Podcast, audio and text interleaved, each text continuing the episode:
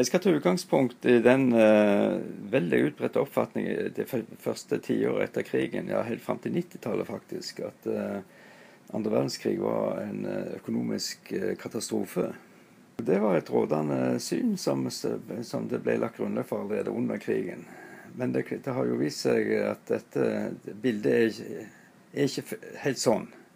Ifølge Halvard Kjelmeland var andre verdenskrig tvert imot en økonomisk gullgruve for Norge på flere måter. Og særlig for den nordligste landsdelen enormt stor aktivitet knytta til både den tyske militære tilstedeværelsen, men òg den kolossale infrastrukturutbygginga over hele landet, og spesielt i Nord-Norge. Så Det hadde jo sammenheng med Norges strategisk store betydning.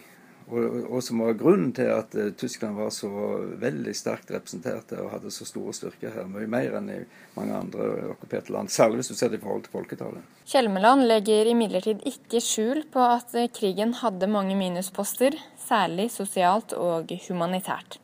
Han sier det er eh, to hovedgrunner til at eh, oppfatninga om at krigen var et tapsprosjekt for Norge, fortsatt er så utbredt. Den ene grunnen er jo at det ble laget, kom ut en bok i 1945 som heter 'Hva krigen kostet Norge'.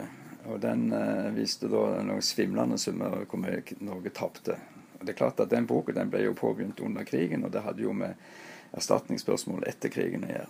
Og Så er det jo òg en annen grunn, det er at folk opplevde jo ikke sånn at de ble rikere. Eh, fordi at varene var jo rasjonert. De var rasjonert under krigen, de var strengt rasjonert etter krigen, langt ut på 50-tallet. Og dessuten så ble det, det, det, som folk tjente, det ble satt inn på tvungen sparing i, så, i form av såkalte riksinnskudd fra 45. Men hvis du sammenligner med mellomkrigstida, så er jo det, det som har skjedd i Nord-Norge, det var jo at, var, at et folk som var sterkt gjeldstynga, plutselig hadde penger på bok etter krigen igjen. Og det samme gjaldt for de nordnorske kommunene. Det gjaldt for bedrifter. At de hadde en kolossal, eh, de hadde en kolossal formue. Og de hadde, hadde hatt mulighet gjennom hele krigen til å prøve å planlegge for, for økonomisk ekspansjon etter krigen. Så det er et lite mysterium at en så lenge har trodd på disse tallene fra 1945. Hvorfor bør folk komme på foredraget ditt? Jeg tror fortsatt det er sånn at folk eh, stusser over at, at, at, krigen også hadde økonomisk plusside. Så folk som er nysgjerrige på det, bør jo komme. Pluss at dette er jo en veldig vesentlig del av norsk historie. Også en katastrofal del av norsk historie. For en god del av det økonomiske oppsvinget var jo framskaffa av slavearbeidskraft. Og tusenvis døde.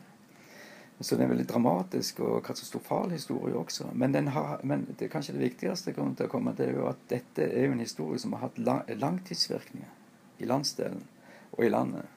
Med på en måte forgreininger helt opp til i dag. da.